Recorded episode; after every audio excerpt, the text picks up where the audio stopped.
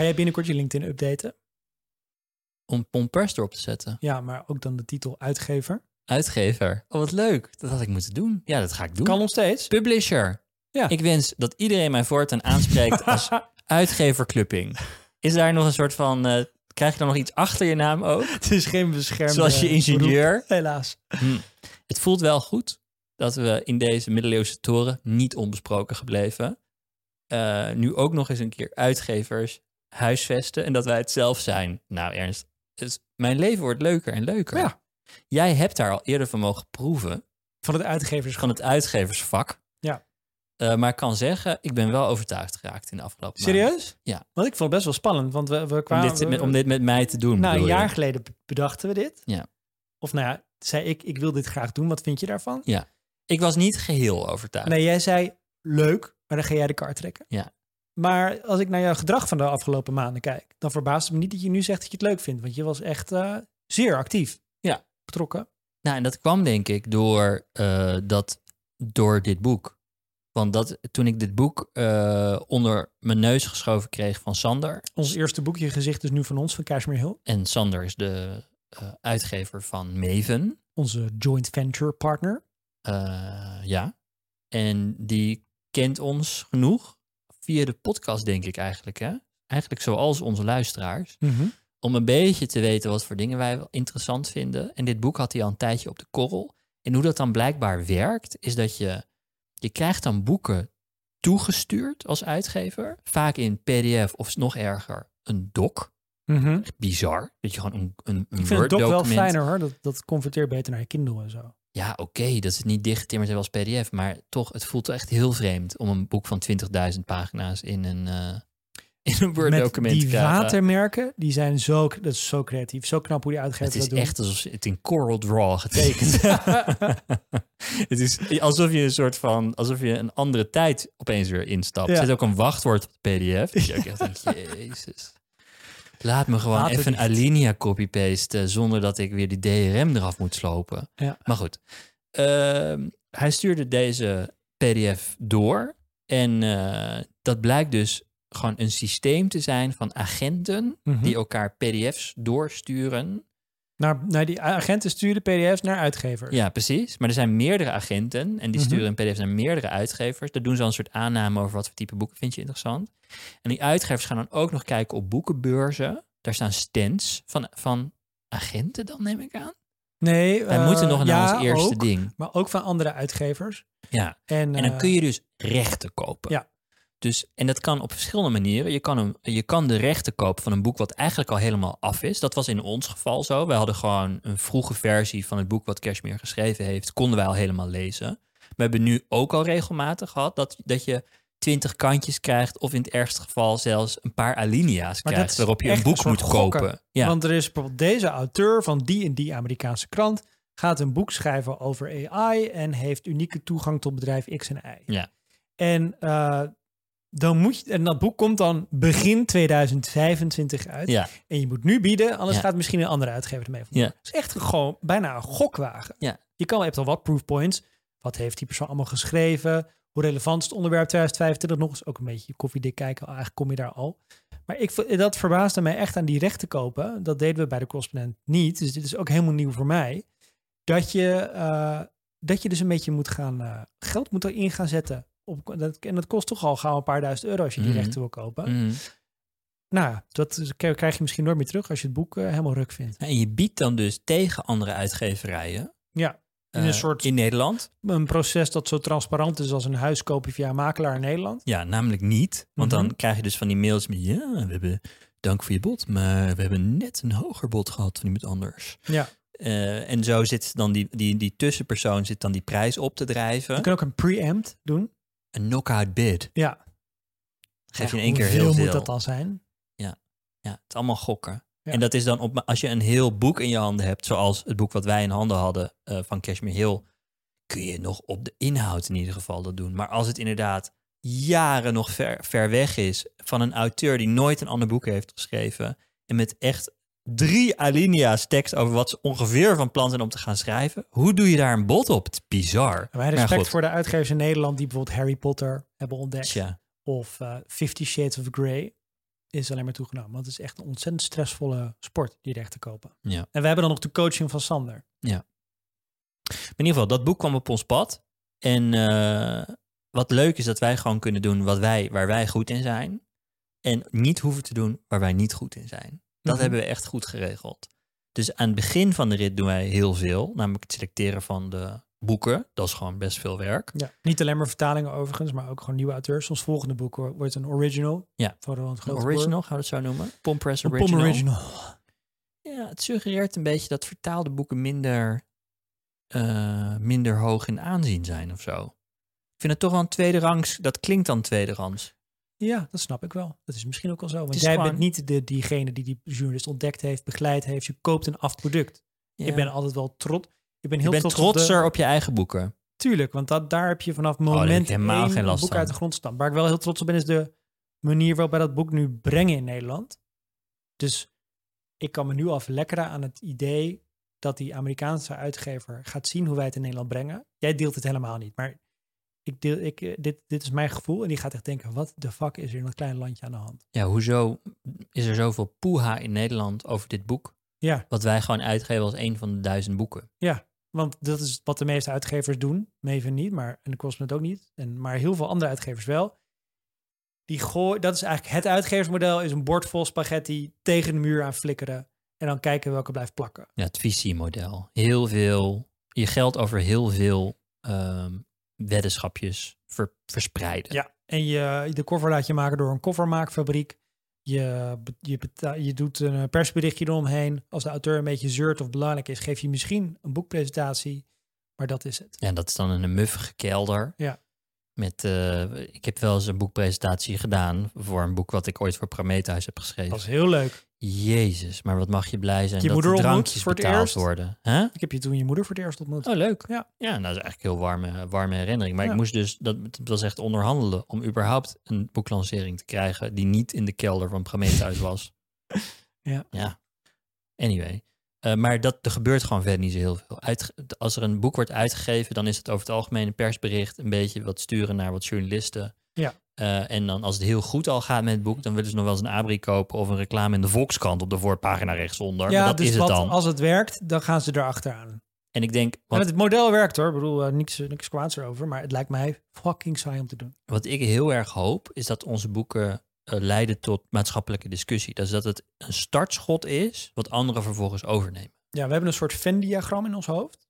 Dus één, één cirkel is maatschappelijke discussie. Ja. Een andere cirkel is extreem praktische toepasbaarheid. Ja.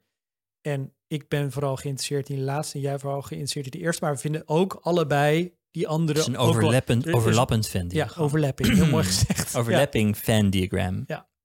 En dit boek valt squarely in de cirkel maatschappelijk relevant. Nou, kan je wel zeggen, ja. Toegepast is het niet zo. Nee, niet echt. Nee. Ga, nee, ga naar Pim Ice. Ga naar Pim Heijzen. Probeer het zelfs een Ja. keer, gezichtsherkenning. Ja. Hartstikke leuk. Begin zelf een dictatuur. Maar het gaat, wel, het gaat je wel echt ook persoonlijk aan. Dat raakt je persoonlijk. Ja. En dat, dat, dat, dat realiseerde ik me na het lezen van dit boek des te meer. Nou, er zijn dus een aantal dingen die grappig zijn in dit, in dit tot, totstandkoming. Want wij, willen heel, wij wilden heel graag dat het boek op hetzelfde moment uitkwam als de Amerikaanse versie. Ja. Want ik ben dus doodsbang dat mensen de Engelstalige versie gaan kopen. Uiteindelijk Daar gaan we heb nu je- wel een week later uitgeven. hè? Ja, oké, maar het is ongeveer hetzelfde. Er zijn heel veel boeken die in Amerika uitkomen en dan pas maanden later een keer bij de ACO liggen. En dat is, dat, bij dit boek hebben we echt hard gewerkt deze zomer om ervoor te zorgen dat het ongeveer tegelijkertijd Ja, Het uitkomt. heeft ook nadelen. Bijvoorbeeld Kashmir is dan heel erg druk met de Amerikaanse promotie. Ja. En heeft niet zoveel tijd voor dit dwerglandje, denk ik. Ja, drink ik ook. Maar eh, het voordeel is dat je, ja, dat niet iedereen het al in de POM community gelezen heeft. Dat je het gewoon meteen in je moerstaal kan lezen. Ja, precies. En ik ben dus, ik, er is dus nog steeds een deel van mij wat bang is dat mensen dan alsnog de Engelstalige versie gaan kopen. En hoe werkt het boekenvak dus blijkbaar? Wij hebben niet de rechten voor de Engelstalige versie. We hebben de rechten voor de Nederlandstalige Ja, versie. ik ben al zo onderdeel van de uitgeverswereld dat ik dit Jij vindt dat volstrekt volstrekt vanzelfsprekend vind. Maar dat zijn dus pakketten die verkocht worden met meerdere Engelstalige boeken samen. En dat wordt helemaal niet los eh, aangeboden aan iemand die in Nederland dan die boeken gaat verkopen. Heel vreemd vind ik dat. Dus ik wil daar nog wel een keer een punt van maken. We moeten kijken hoe we dat... Ik wil die Engelstalige rechten ook gewoon hebben. Wat is het nou voor gekkigheid? Helemaal omdat er steeds meer Engelstalige boeken ook gelezen worden in Nederland. En ik denk helemaal Zeker binnen, young onze, adult. Ja. binnen onze doelgroep dat dat ook groot is. Maar ehm, Jij, gaat, jij wil een disruptief eh, randje aan Pompress eh hebben. ja, ik vind dat dit minder normaal gevonden moet gaan worden. Maar in ieder geval, we hebben dus hard gewerkt om in ieder geval op hetzelfde moment te hebben, zodat dat in ieder geval geen argument is om de Engelstalige versie te kopen. En daartoe zijn er dus meerdere vertalers tegelijkertijd aan de slag gegaan. Ja. Want het was te kort nog de tijd om één vertaler te hebben die die... Hoeveel, hoeveel woorden is het boek? Het is echt Ik weet, het is 345 pagina's. Het is een vrij eh, lijvig boek. Ja. Eh, ik heb, we hebben het ook allebei nog niet op, in papier gezien. Nee. Het wordt eh, binnenkort gedrukt, Ja. week 37. Ja. Maar eh, ik ben heel benieuwd hoe dik het aan gaat voelen. Ja, ja ik ook. Ehm, maar er zijn dus verschillende mensen die tegelijkertijd verschillende hoofdstukken zijn gaan vertalen. Ik vind dat toch fascinerend. Dat Ja. er, en er is dan een hoofdvertaler en die houdt dan een beetje de toon in de gaten. Dat iedereen op dezelfde manier vertaalt. En dan is er nog een redacteur bij Maven die gaat dan kijken of alle Engelstalige termen niet per ongeluk naar het Nederlands zijn vertaald. Want sommige dingen zoals Schrapen in plaats van schrapen. dat, ik denk dat onze community dat niet heel grappig gaat vinden als wij het woord Nee. schrapen. ik bedoel, de Podimo UI is tot daaraan toe. Maar als er schrapen in staat, denk ik dat er echt dooien gaan vallen. Dus ehm, eh, dat soort dingen. Dat was gewoon wel eventjes wat werk. En we hebben inderdaad ervoor gekozen om niet een eh, standaard coverfabriek te hebben. Maar we hebben juist een webdesigner De product designer, ja. ja, iemand die digitaal design maakt, om daar de, de hele vormgeving voor het boek Echt te een maken. vette cover geworden. Maar ik ben er ook heel blij mee. Ik ben er ook heel blij mee. En het is toch een soort insight. Er zit, het voelt toegankelijk, maar er zit toch voor, voor tech-kenners zit er genoeg insiders perspectief in, vind ik. Ja. Daar word ik gewoon heel blij van. En dus een bak aan quotes van mensen die wij autoriteit toedichten. Die zeggen wat ze van het boek vinden. Ik vind dat toch, ik vind dat zo lekker. dat Nou, ik, een- vond ook, ik vond het heel lekker, maar ik vond het proces ook heel bemoedigend. Want jij, jij hebt het leeuwendeel van die quotes geregeld. En af en toe stuurde jij een, een eh, berichtje door van hoe mensen reageren op dat boek. Ja. Dus Fidan Ekic las het en die zei echt, wat de fuck ben ik aan het lezen? Ja. En die wa- was blown away. En eh Jort Kelder heeft volgens mij als quote, eh, Alexander, denk je wel aan mijn nachtrust? maar ik vind eigenlijk die van Joris, vind ik een van de, Joris Luijendijk vind ik een van de mooiste met eh, het leest als een thriller, maar het gaat over jouw leven. Ja. Dat, dat vat het wel heel goed samen. Ja. Eh, het idee is dat we dus een campagne opzetten. En daarom, volgens mij motiveert het daarom jou ook zo. Die eigenlijk, eigenlijk is het alsof jij, eh, je hebt altijd van die campagnes lopen. Dus TikTok moet verboden worden, rechtszaak tegen Apple en Google. En nu heb je er ook een boek bij waar het Ja. punt echt in gemaakt wordt. Ja. Maar wat voor jou volgens mij echt vooral motiveert, is dat punt maken. Mhm. Van gezichtsherkenning is een onderschatte technologie en potentieel ontwrichtend. En, ehm, En daartoe zetten wij alle middelen in om dat tot een debat te, te maken. Ja. En daar geniet ik natuurlijk ook gewoon van, van Ja. dat gore werk. Ja. Alle, alle BN'ers eh, zover krijgen dat ze, quotes, zo, dat ze quotes geven, dat ze een boek over gezichtsherkenning gaan lezen. Want natuurlijk niet, je, het is vrij lastig om de gemiddelde persoon op straat enthousiast te krijgen over gezichtsherkenning. Dus dit is gewoon heel, ik vind dat dan maar als heel, Rick Niemand het zegt of Jeroen Pauw, dan denk je nou, het maakt uit. Ja. Het is gewoon, en, en dan vind ik dat, dat gore werk opeens heel leuk om te doen. dan sta je lachend met je knieën in de modder. Nou, het is wel zo. Ja, en we hebben dus, eh, we richten ons nu heel erg op voorbestellingen. Dat heeft eigenlijk twee redenen. Ja, vertel daar eens iets over. Want dit is waar jouw expertise van de correspondent toch wel een beetje van pas komt. Ja, het model van de correspondent is, eh, je hebt een community, die, daar maak je boeken voor die zij waarschijnlijk ook belangrijk en relevant vinden, want je bent onderdeel van dezelfde community en dezelfde waarden. En eh, vervolgens probeer je ervoor te zorgen dat zoveel mogelijk van hen het boek alvast voorbestellen, omdat ze jou vertrouwen. En de, wat, je, wat je maakt, je, waar je voor staat, vertrouwen ze. En eh, als het je lukt om dus heel veel voorbestellingen te krijgen, dan eh, stuur je die de dag voordat de bestseller 60 uitkomt. Ja, dat is van het CPMB, de bestseller 60. Nee, GFK-marktonderzoek. eh, oh, oké. En ehm, daar, eh, en op basis van die voorbestellingen tellen dan mee in, je, in de verkopen van de eerste week. Dus dan kom je heel hoog binnen in de bestseller De 60. voorbestellingen tellen mee voor de verkoop van de eerste week. Ja, dat zijn allemaal Ja, daadwerkelijk dus het is eigenlijk een soort fake hebben. week. Want die week die gaat opeens eenmalig over een maand in Ja. plaats van over een week. En Ja. daarom heb je een voorsprong als je het boek net uitkomt. Dus de kans veel groter dat je erin kan stormen. Ja, en in Amerika is dat, dat mag in Nederland niet. In Amerika gebeurt het ook af en toe vrij shady. Daar, daar zijn ze nu ook wel bezig dat terug te dringen. Maar wat je in Amerika ziet is dat auteurs heel vaak je vragen of je er heel veel wil afnemen. Ja, ja, ja. ja. En uh, dus dan verko- Thiago Forte heeft echt een geweldige analyse geschreven van. Thiago Forte deelt alles wat hij doet, deelt hij. Mhm. Hij heeft Building a Second Brain vorig jaar uitgebracht. En hij kijkt nu terug op, uh, op die campagne. En hij heeft dus in een, in een blogpost, ik zal hem in de show notes zetten, um, echt tot op detailniveau, elke dollar is accounted voor, elke exemplaar is accounted voor. Laat hij zien hoe hij met de voorbestellingen ervoor heeft gezorgd dat het in een New York Times bestsellerlist komt. Hm. En dat geeft je gewoon uh, vleugels. Want als je, dat niet, als je geen directe community hebt als uitgever, ben je afhankelijk van uh, in de, hoeveel boekhandels van tevoren inkopen. Mhm.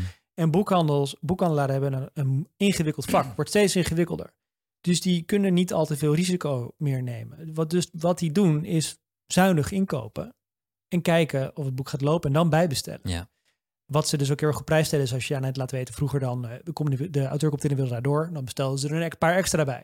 Dus hoe meer proof points je hun kunt geven van dit wordt waarschijnlijk een bestseller, hoe meer zij uh, bestellen. Maar dat is nog steeds voor iedereen koffiedik kijken. Terwijl als je direct aan het publiek kan verkopen, dan uh, is, dat, is dat zuivere verkopen. Uh, en kan je daarmee dus een enorme sprong nemen. En dan, als je die bestsellerlijst gaat, dan haakt, haken de poortwachters aan. Dan heb je eigenlijk ben je over de poortwachters heen gesprongen. Dan gaan mensen het bespreken, recenseren, wordt het groter ingekocht, mag je misschien naar, langskomen bij een talkshow, et cetera. En dan gaat het boek vliegen. En zo bouwden we eigenlijk, de, met, zo bouwden we met de eerste boeken de correspondent-uitgeverij op. En nu gaan wij het proberen dat weer te doen. Ja. Ja, het zou dus, het zou, ik zou het echt heel leuk vinden als, als, als, omdat we weinig uitgeven, dat wat we uitgeven, dat mensen van tevoren, voordat ze het gelezen hebben of dat het al voor Poeha heeft opgeleverd, dat mensen van tevoren al bedenken, ik vertrouw gewoon om dit te kopen. Dat je bijna een abonnement op de boeken kan nemen. Dat Ja. zou ik echt heel vet vinden. Ja. Dat zoals je ook een abonnement op een krant hebt, in de zin, ik vertrouw erop dat de Volkskrant mij iedere week of iedere dag vertelt wat goed is, dat je datzelfde gaat hebben, maar dan met een aantal boeken per jaar. Correspondent heeft dit letterlijk. Precies. Ja. En dat ben ik wel echt heel jaloers op. Dat zou ik wel echt heel vet vinden als dat met onze eigen Nou, ja, en- een soort van ja. lens op de wereld, dat wij dat ook zouden kunnen doen. En een onderdeel van dat model is wel dat elk boek dat je uitgeeft, dat je daar als uitgever lyrisch over bent. Ja. Eh, want- daarom doen we ook niet zoveel. ja, nou ja, misschien max vier per jaar of zo. Ja. Want je, ja, je moet er ook, het kost ons ook eh, extreem veel tijd en aandacht. Dus je moet echt op een dieper niveau gemotiveerd zijn over een boek. Anders dan, eh, dan raken we onze aandacht kwijt. Over een maand ervaring. kun je de ACO inlopen of de Libris of de, noem eens wat Je boekwinkels. favoriete plaatselijke boekhandel. Nog veel sympathieker. Je- Kijk, we hebben een kaartje op boekhandelkaart.nl. Dan kan je precies alle. Dan kom je op mijn site met een Google Mapsje. Dan Ja. zie je allemaal leuke individuele boekhandels waar je het kunt kopen. Ja. Koop het daar of koop het bij ons. ja, kan op je natuurlijk ook. nu van ons.nl. Maar eh, dat... eh, Niet bij een groot blauw warenhuis waar we online warenhuis waar we misschien laatst een zomer Nee, aflevering mee hebben bah, gemaakt. bah, bol, bah. Het is wel echt grappig hoezeer die boekhandelaren bol haten. Dat Ja. komt echt uit de poriën. Mhm. We hadden op een gegeven moment hadden we het bol logo op de site, op, het, op onze site gezet van Pompress. Daar werd echt aanstoot aangenomen. Dat, het Ja. bol, dat er een linkje naar bol stond. Oh ja, inderdaad. Ja. Dat is toch typisch? Ja. Het is echt, nou ja. Boekhandels Eh, gaan dus wel echt eh, in Amerika nu dus steeds weer beter. Ja, in nee, Nederland zijn geen hey, cijfers van. Ik sta helemaal achter jouw oproep. Je moet gewoon lekker naar je lokale boekhandel ja, gaan. en lokale boekhandelaar moeten gewoon nadenken over zichzelf kunnen onderscheiden van zo'n anoniem Ja. Kutbedrijf. Ja. Ehm, maar toch even, we hebben het hier niet over gehad. Maar er komt straks wel een boekje van Vlees en Bloed eh, met ons logo erop. Ja, Dat is toch vet? vlees, Ja, zijn- metaforisch. Metaforisch. De inkt, de ruiken. Boek Ja. open doen en ruiken. Ik bedoel een echt ding. Met gewoon het logo van de podcast erop. Dat is toch grappig? ja, is vet. In onze vormgeving en alles. Zo'n mooi oranje kader en dan rechtsonder. Ik ben er echt heel pom. trots op. Eh, dus dat straks. En je kan het nu voorbestellen en daar doe je ons een groot plezier mee. Dank voor het luisteren en tot volgende week. Tot volgende week.